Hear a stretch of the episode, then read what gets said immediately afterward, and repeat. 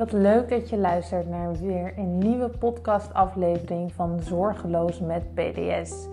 Vandaag ga ik het hebben waarom het zo belangrijk is om je voeding aan te passen binnen het darmtraject.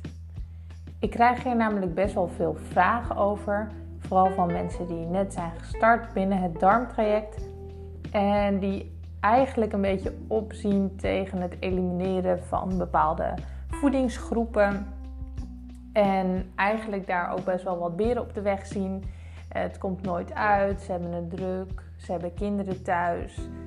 Um, en ik merk eigenlijk uh, dat ze toch wel vaak vragen, misschien niet zo direct, maar wel indirect, van kan ik het niet overslaan? Kan ik niet gewoon blijven eten zoals ik nu eet en dan toch het darmtraject volgen? Technisch gezien ja, natuurlijk. Je kan gewoon blijven eten zoals je nu eet en dan het darmtraject volgen. Maar eigenlijk ook weer nee. Want het elimineren van bepaalde uh, voedingsgroepen creëert namelijk rust in je darmen. Daarom heb ik gekozen voor deze groepen te elimineren en daarom vind ik het ook zo belangrijk. Door bepaalde voedingsmiddelen, zoals bijvoorbeeld gluten, te elimineren. Hè, en gluten zijn van natuurlijk een beetje triggers voor ontstekingen. Uh, verminder je dus de ontstekingsreactie in je darmen. En dat is iets wat heel erg belangrijk is voor het herstelproces van je darmen. Door je spijsvertering rust te geven en ook de triggers weg te laten, geef je de darmen de mogelijkheid om tot rust te komen en zelf herstellend vermogen te activeren. Onze darmen zijn namelijk van nature in staat om zichzelf te herstellen. Maar als ze de hele tijd geïrriteerd worden, geprikkeld worden, getriggerd worden om ontstekingsstofjes aan te maken, dan zullen ze niet herstellen. Dit maakt ook dat ik het een hele mooie start altijd vind van het darmhersteltraject om te gaan vasten. Of je nu kiest om het 10-daagse sportvastprogramma te volgen of je kiest ervoor om meer dan 48 uur te vasten. Je zult echt een enorm verschil merken in je buik. Zo kan ik verschillende verhalen met je delen. Maar een klant die mij heel erg is bijgebleven, is een dame. Ze had enorm last van een opgeblazen buik. En ook haar huid speelde vaak op. En zij volgde bij mij het tiendaagse sportvastprogramma. En toen ik haar na die tien dagen sprak, vertelde ze mij met tranen in haar ogen dat ze nog nooit zoveel rust in haar buik had ervaren. Ik wist gewoon niet dat dit gevoel mogelijk was, zei ze.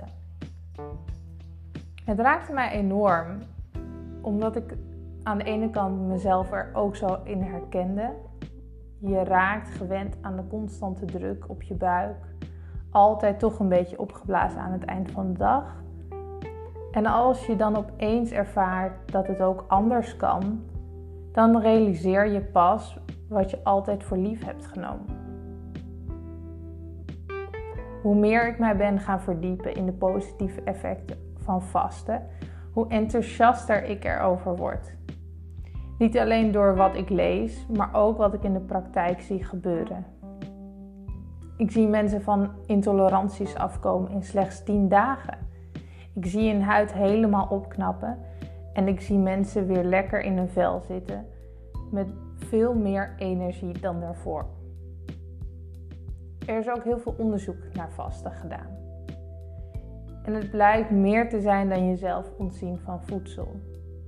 Het heeft een enorm positief effect op je metabolisme, op glucoselevels en zou zelfs een anti-verouderingseffect kunnen hebben. Hier moet ik wel een kleine kanttekening bij maken. We hebben het dan echt over vasten van langer dan 48 uur. Dus als je aan intermittent fasting doet, dan kunnen deze gunstige effecten niet helemaal gelijk zijn aan de onderzoeken die zijn gedaan. Maar goed, heel even terugkomen op het elimineren van je voeding. Waarschijnlijk heb je al heel erg veel gelezen en gehoord over bijvoorbeeld het FODMAP-dieet, nachtschades uit je dieet halen, geen uien, geen knoflook, uh, misschien wel wel of juist geen vlees eten bij darmklachten. Er is ontzettend veel over te vinden. En voor veel is wat te zeggen. Bij veel mensen zorgt het in het begin ook voor meer rust in de darmen. Je haalt immers de moeilijk verteerbare voedingsstoffen uit het lichaam. Je vermijdt ontstekingstriggers. En nog veel belangrijker, je gaat natuurlijker eten. Zonder toevoegingen, geen kant-en-klaar, maar vers bereide maaltijden. En alleen daar al van knapt je darm vaak op. Alleen zijn deze strikte diëten nooit voor altijd. Dat is simpelweg niet vol te houden, maar het is ook niet goed. Want door eenzijdige voeding mis je de diversiteit in je darmen, in je microben. En dat kan weer zorgen voor een verminderde spijsvertering, waardoor je weer andere klachten kunt krijgen. In mijn programma krijg je dus heel duidelijke richtlijnen in wat wel en wat niet eten. En daarnaast begeleid ik je in een periode van vasten. Of je nu kiest voor een 10-daags programma of voor een kortere interventie van vasten. Maar het uiteindelijke doel van het programma is ook weer het opbouwen naar een uitgebreid en divers voedingspatroon zonder klachten hiervan te krijgen.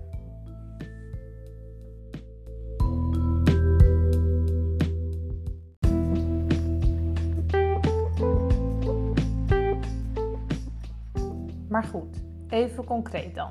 Wat zou je het beste kunnen laten staan om jouw darmen rust te geven?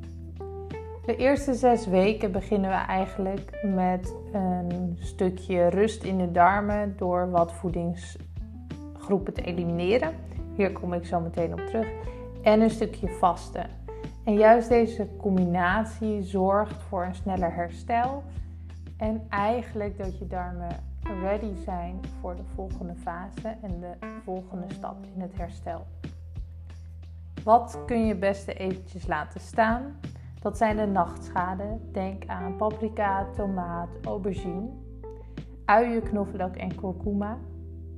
Ik adviseer altijd om geen rund en geen vark te eten.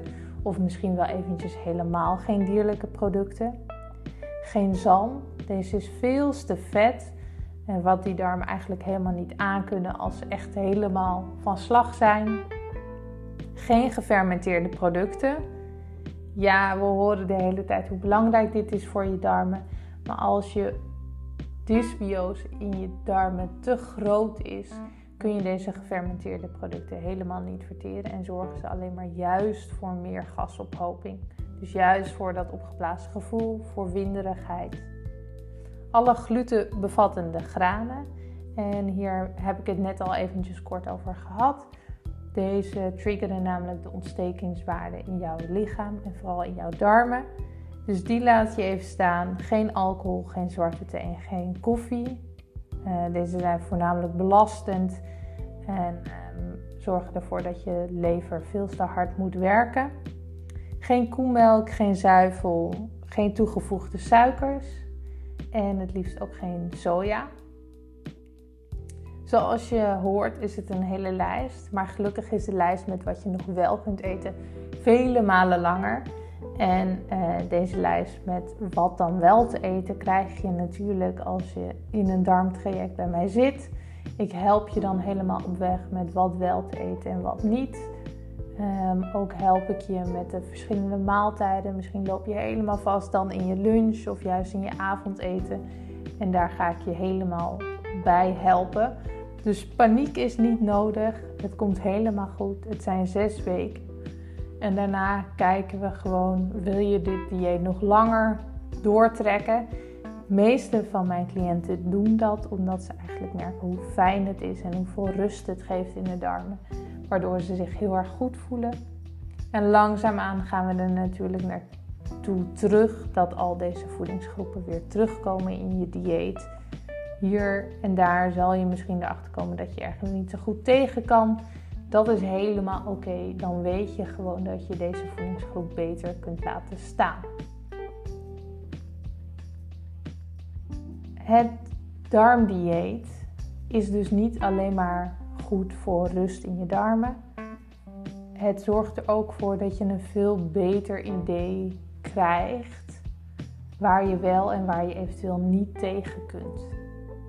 Soms doe je een intolerantietest voorafgaand aan bijvoorbeeld een darmtraject en komen best veel voedingsgroepen uit waarop je reageert, waar je op dat moment intolerant voor bent.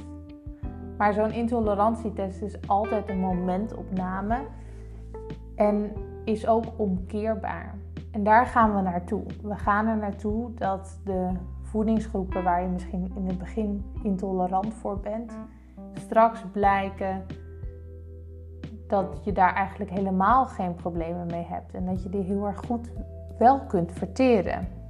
Alleen de bacteriën, de microben die verantwoordelijk zijn voor de vertering van die voedingsgroepen, zijn misschien uit balans, waardoor die vertering op dit moment niet goed gaat.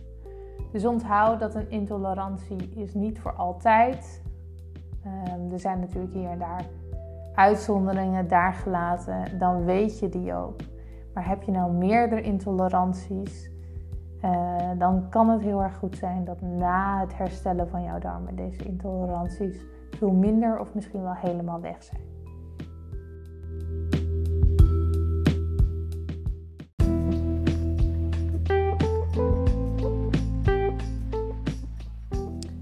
Vond je dit nou heel erg interessant en wil je graag meer weten over het darmdieet voor herstel of misschien over het darmtraject?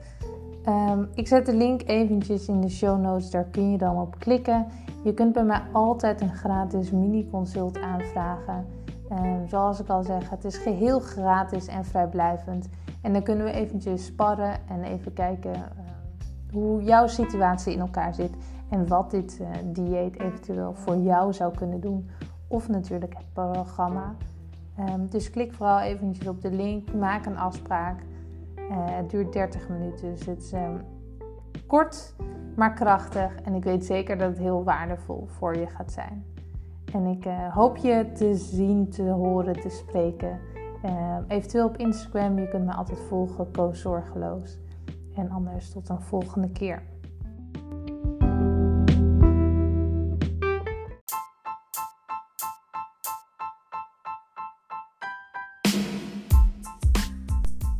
Bedankt voor het luisteren naar mijn podcast. Ik hoop dat je er wat aan hebt gehad en dat het je vooral inspireert om wat te gaan doen aan jouw klachten. Ik ben reuze benieuwd naar jouw feedback, dus laat deze vooral achter. Je helpt mij daar enorm bij en ook anderen. Mocht je een leuk idee hebben voor een onderwerp voor mijn podcast, deel deze dan vooral Verder kun je me natuurlijk vinden op Instagram onder Koos Zorgeloos, maar ook op Facebook. En neem ook een keer een kijkje op mijn website. Ik hoor graag als je leuke ideeën hebt en ik hoop tot een volgende keer.